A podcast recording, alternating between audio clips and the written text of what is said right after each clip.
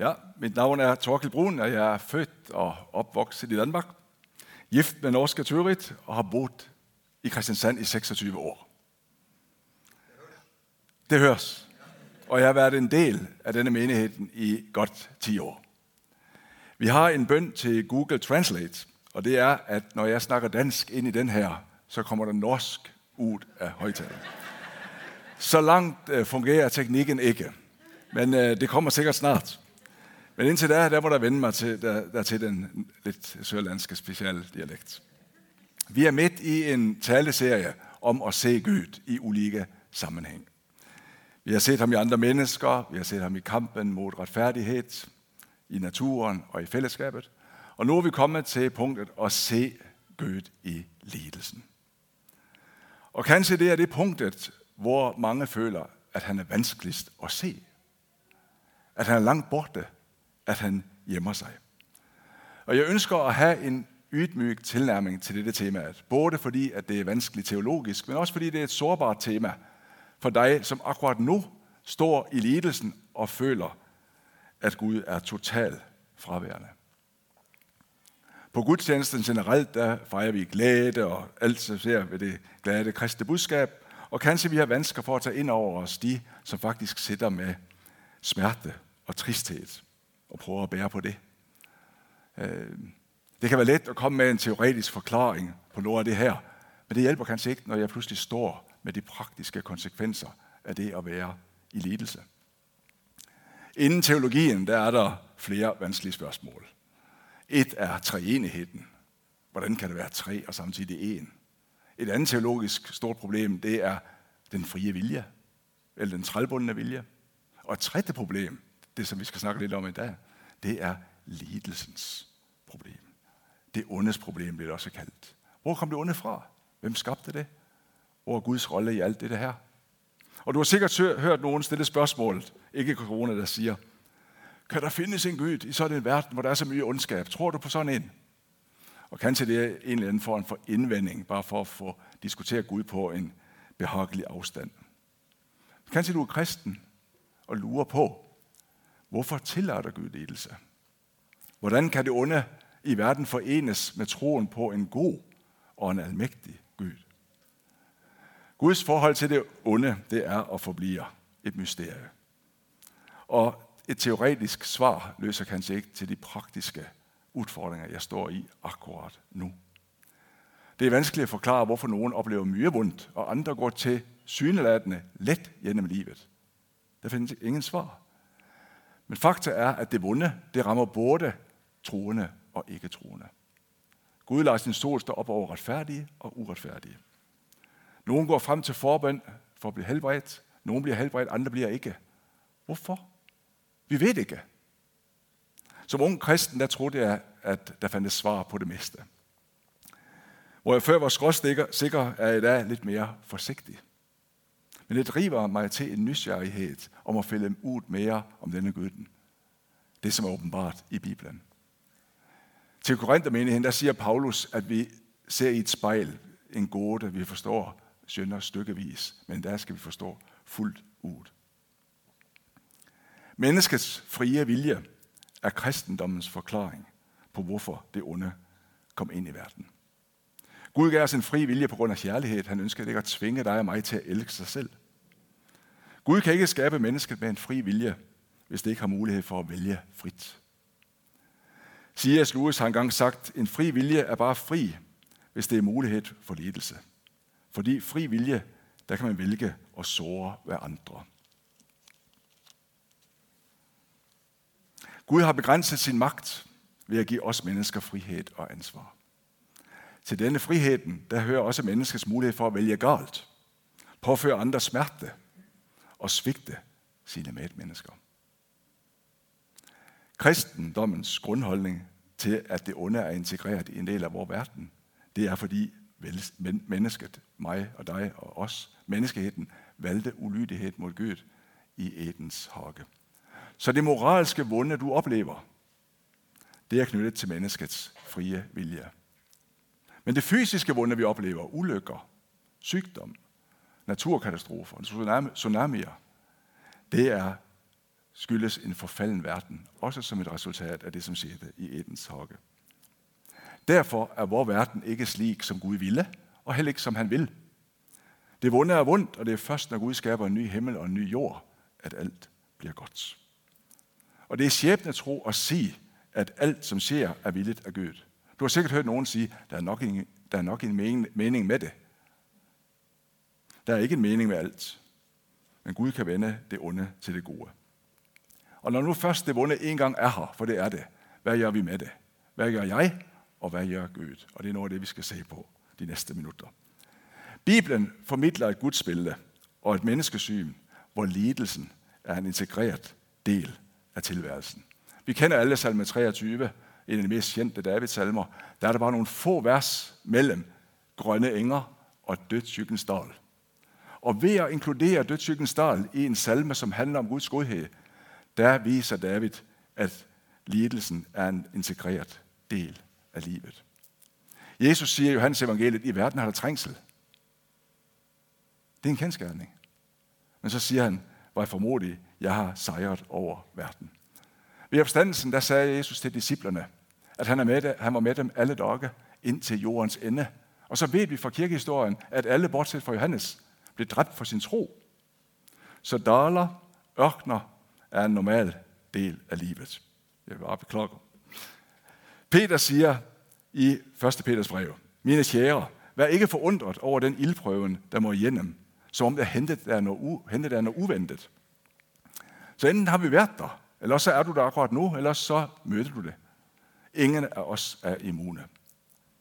Og disse perioder i ørkenen, de er uforudsigbare. De kan ikke planlægges. Du kan ikke sige, det passer ind i ret i uge 49, for der er lidt tid. Det kommer pludselig, og ofte på et svært, ugunstigt tidspunkt. Du bliver kaldt ind til chefen, så siger hun, du er opsagt. Eller din forlover, der siger, jeg har fundet en anden. Eller du tager telefonen, det har sket en ulykke. Eller dine forældre fortæller dig, mamma og pappa ser skilles. Eller du får svar på en blodprøve, det er cancer. Pludselig og uden varsel er du kastet ind i en situation, du aldrig har ønsket, og du ikke har bedt om. Dødssykkens dal. Kanskje du lag af at krangle med din datter på 17, som bare på nogle få år har udviklet sig fra at være et englebarn til at være en skikkelig tenåring. Eller du lag af at besøge din gamle mor, som igen og igen spørger, hvad du hedder. Eller du lag af at skrive jobsøgter og være på interview og få det ene afslag efter det andet. Jeg er lag. Hjælp. Kan du dig igen? Jeg har som alle andre haft perioder i dødssygens dal. Af ulig længde og ulig intensitet. Jeg skal kort nævne mine tre store. Jeg husker en søndag kveld, da jeg var 17 år, der gik jeg en kveldstur med min kære far, Johannes. Jeg husker faktisk noget af det, vi pratede om. Næste dag på mandagen skulle han komme og hente mig, når jeg var færdig på job. Han kom aldrig. Han er død i en ulykke med bilen, 42 år gammel. Jeg var ældst af fem. Min mor var 41 år, og min yngste bror var fem. Ulykken så ud som i første omgang, at den var selv. Og det var guf for dansk slatterpresse. Og min fars død og omtale blev omtalt i landsdækkende øh, slatterpresse.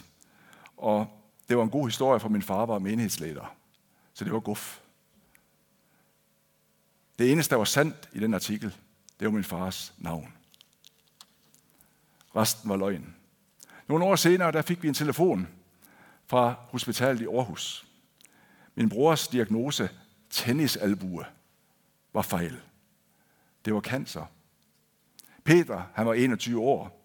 Han var på vej til New Zealand for at tage en DTS. Rejseplanerne de blev ændret. Nu gik rejsen til Radium Hospital i Aarhus.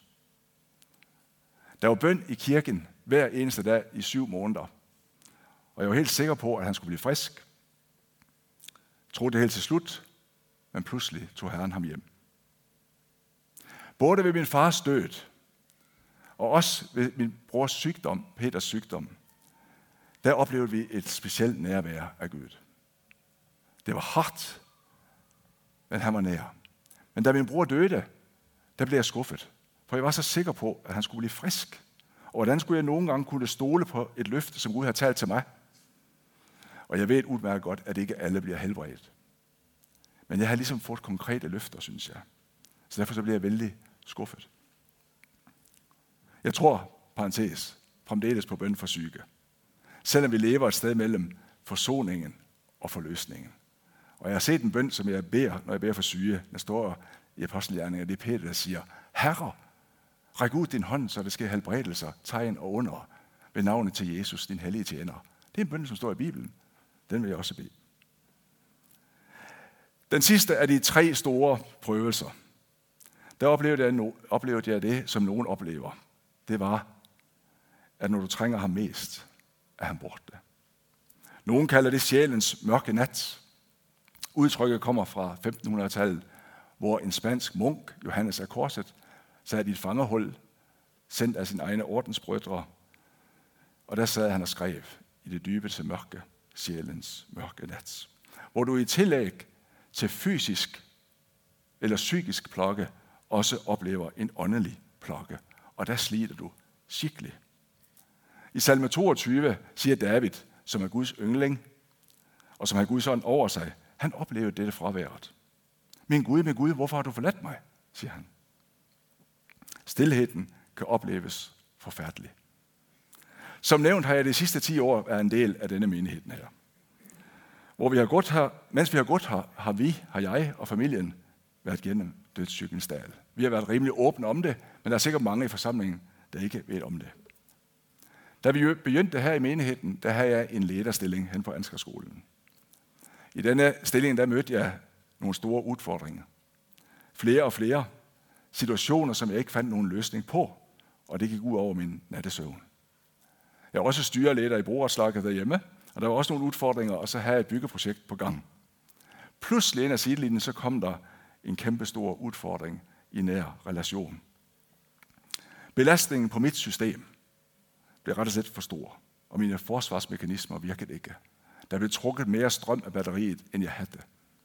Og pludselig så befandt jeg mig i et mørke, som jeg aldrig har været i før. Depression og angst, og noget af det værste, jeg har oplevet. Jeg søgte både åndelig hjælp og professionel hjælp, og jeg fik begge dele. Jeg håber, det vil give sig fort. Jeg sat der i lænestolen op på Havrevejen, så ud i luften, i timevis, i dagvis, i ugevis, i månedvis, i årevis. Jeg var i navsystemet i fire år og fire måneder. Først på sygepenge, og så på afklaringspenge. Som delvis sygemeldt. Mit kristne fundament og min gudstro, min opfattelse af ham, blev sat på prøve. Alt, hvad jeg troede på, har sat min lid til. Det fungerede ikke. Var det bare tul? Når der i salme 29, 11 står, Herren giver sit, giver sit folk kraft. Herren velsigner sit folk med fred. Jeg oplevede ingen af det ene, hverken kraft eller fred. Og jeg gjorde alt for at komme i kontakt med ham. Selvom jeg godt ved, at han findes over alt, så opsøgte jeg steder, hvor han kanskje var mere, der var mere gang i den. Konferencer, lejre, møder. Jeg tog på Father Heart School på Vestlandet. Jeg var ved Svej Magne Petersen. Jeg var mange steder. Hvor er du hen, Gud? Jeg, som lige er en i liv og røre, jeg drog op til Modum Vart, langt ind i skogen, dybt deprimeret og sad på Sjælesorgsinstituttet i en hel uge og ventet på det, som jeg ofte har hørt, også her, og som ikke er fejl. Men jeg har også hørt det her, at Gud elsker vores i tale. Hvis vi bare vil lytte og give ham tid, så taler han.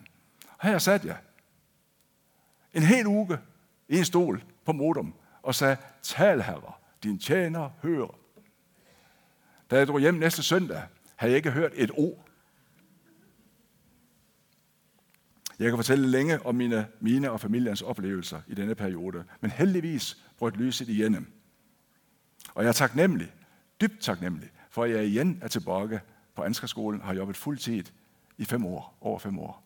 Og det er ikke en selvfølge, så det er jeg dybt taknemmelig til Gud for. Jeg blev spurgt i den her periode, når jeg ligesom var ja, i perioden, om det gjorde vundt for mig at høre andre fortælle om stærke Guds oplevelser.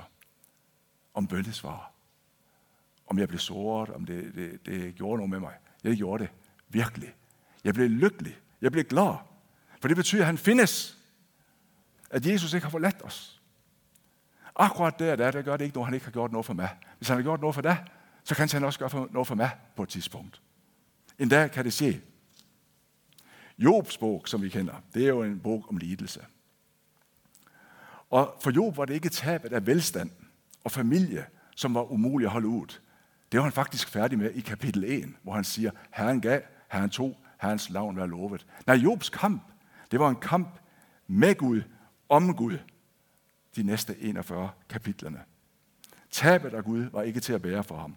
Der som Gud ikke findes, bliver det bare mørke tilbage. Henry Nøven har sagt noget klogt mange gange. Her siger han, Guds fravær er lige naturlig, en lige naturlig del af livet som Guds nærvær. Ja, at bare den, som har oplevet fraværet, kan være i stand til at erfare nærværet. Hvis vi fornægter smerten i hans fravær, vil vi ikke være i stand til at smage varig nærhed. Det er ofte, hvis noget bliver taget fra os, vi oplever, hvor godt det var, da vi havde det. Hvis min ægtefælle er på kurs en uge, jeg savner hende så. Før var det ligesom en selvfølge. Eller når barnet rejser hjemmefra, pludselig bliver det så tomt. Min datter Lisa er akkurat rejst til Oslo. Det er lidt mere tomt derhjemme. Så det er ofte, når vi mærker det, at det ikke er der, så savner vi det. For nogle år siden, der havde mobilselskabet Talkmore en fantastisk reklame, som udtrykker noget af det, der savnet. Den skal vi se.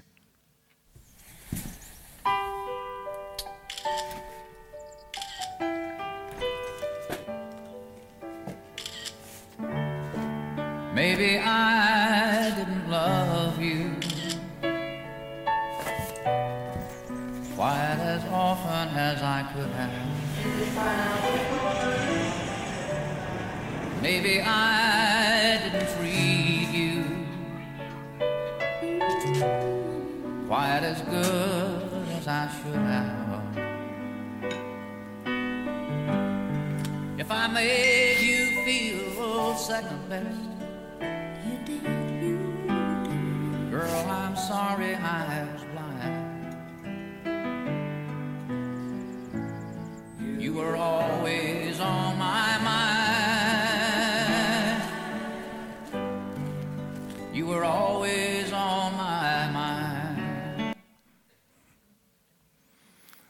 fantastisk video. You are always on my mind.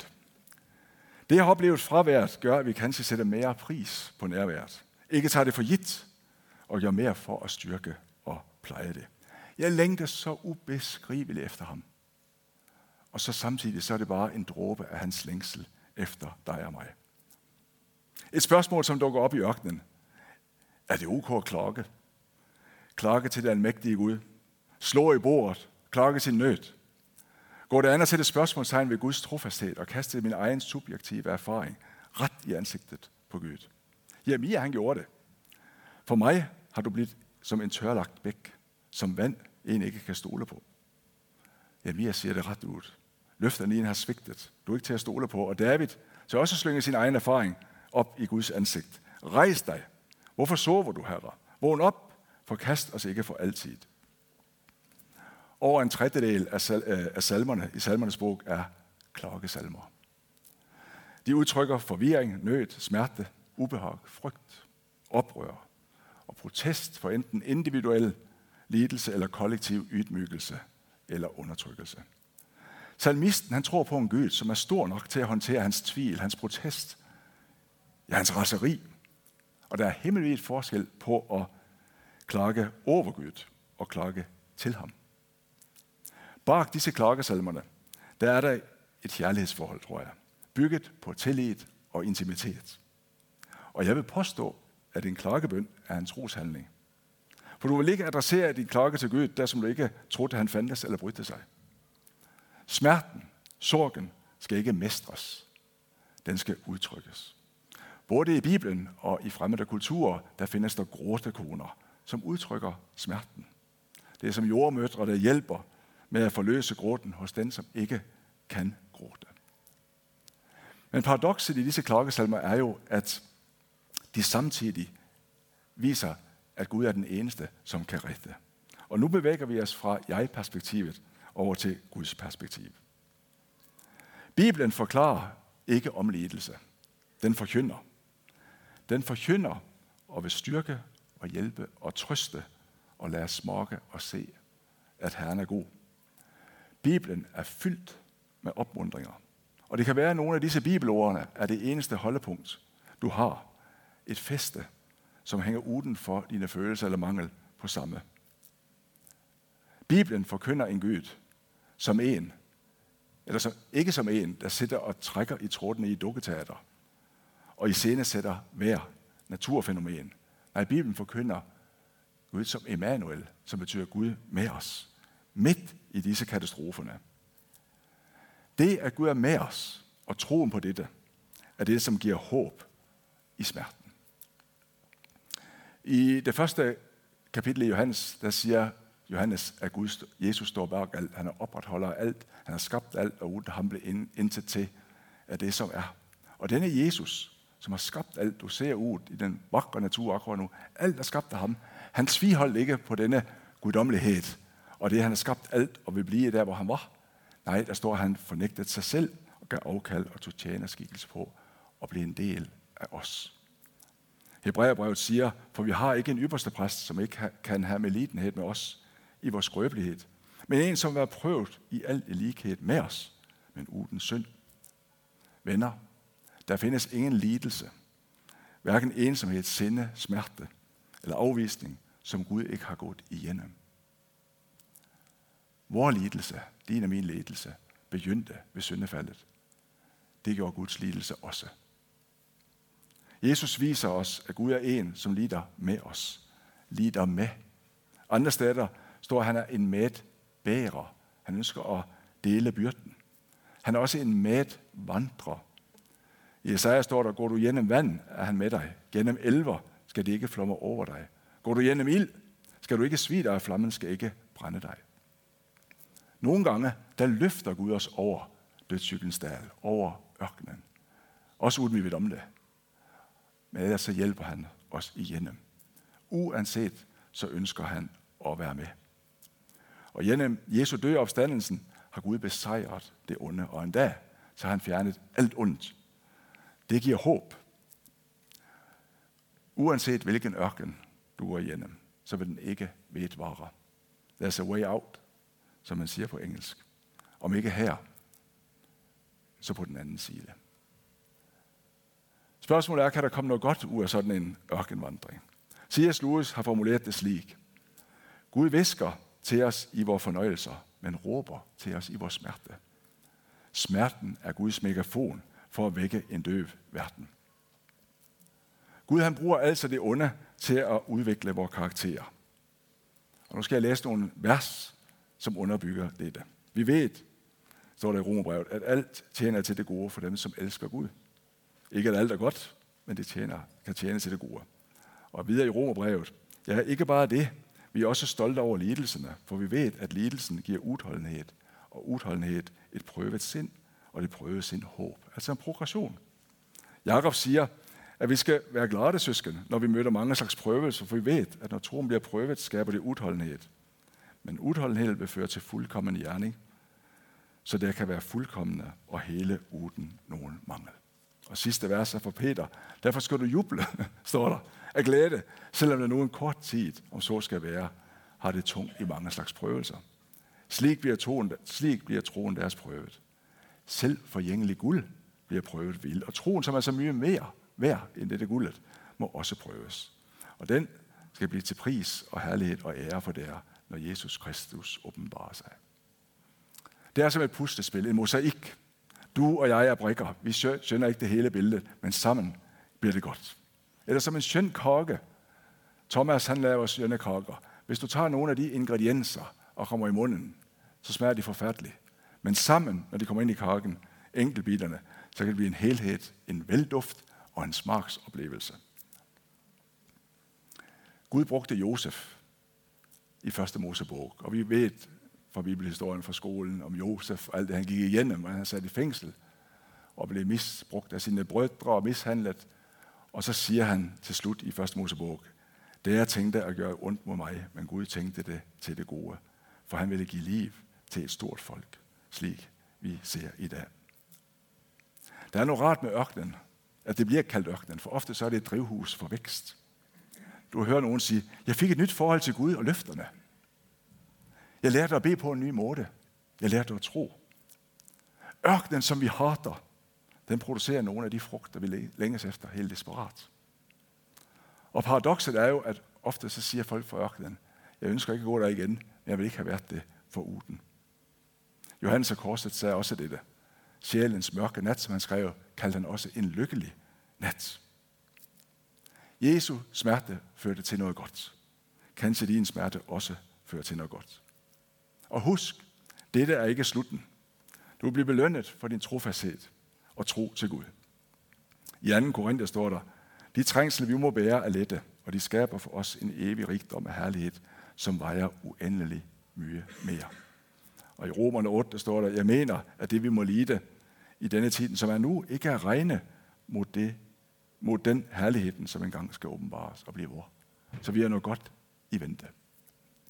Da jeg var næsten ude af min ørken, så spurgte jeg, hvor var du, Gud? Hvor var du? Og så pludselig talte han til mig. Jo, Torkel, jeg sendte dig. Og så nævnte han mange navn.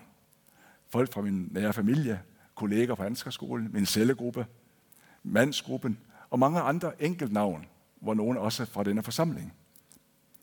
Og for ikke at nævne nogen, så kalder vi denne person en farfar. En farfar i livet skulle alle have, er der en sang, som hedder. Og det havde jeg. Nogen, som vågede og opsøgte mig i mit mørke og sige, stå på. Kanskje du kan være en farfar for en eller anden, som er i dalen. For i fredag, der var det verdensdag for psykisk helse. Og temaet for 2020 er, spørg mere. Vær opmærksom. Vis interesse. Kan du ikke ved, hvad du skal spørge om. Det er ofte problemet. Hvad skal jeg sige? Kan du ikke skal sige noget. Jobs venner sad i syv dage og syv nætter, inden de sagde en ord. Men kanskje du kan være med til at bringe håb. Håbet til Jesus. Hvad han har gjort, hvad han gør, og hvad han vil gøre. Det hjælper os til at bære tunge byrder. Og jeg har en bøn om, at det håb til Gud overvinder dine og mine ubesvarte spørgsmål. Og jeg beder med Paulus, må håbets Gud fylde med al glæde og fred i troen, så der kan blive rige på håb ved den hellige ånds kraft. Jeg har været lidt personlig og nævnt nogle af mine tøffe perioder i dødssygens dal. Og det har jeg gjort ikke for at få melitenhed, eller der skal sige stakkels torkel. Jeg har gjort det for at vidne om, at der er håb midt i det håbløse. Og at han er der, også selvom du ikke føler det. Vi fik mange opmuntringsord i perioden i ørkenen. Nogle af disse opmuntringsord har min frue Tøret klasket sammen til et billede på væggen, som vi har derhjemme. Mange herlige opmuntringsord, som minder os om det, Gud gjorde i dødssygens dal. Et af de skiller sig lidt ud, og det fik vi af en op fra Størdal, som ringte. Jeg har aldrig set ham. Jeg har aldrig mødt ham, hverken før eller siden. Han ringte bare, Gud har sagt, jeg skal give dig dette ord. Og det er et ord, jeg aldrig har set, og det vil jeg slutte med. Selv når du siger, at du ikke ser ham, ser han din sorg. Bare vent på ham. Amen. Himmelske Far, tak for, at du er der. Også selvom vi ikke føler det. Tak fordi du er en medlidende Gud. Du er en medvandrer, og du er en medværer. Tak fordi, at du ønsker at dele vores lidelser med dig. Og tak for, at vi kan komme til dig med alt. Tak, at du er håbets Gud, og vi beder om, at du vil give os håb, også der, hvor håbet er lide. Amen.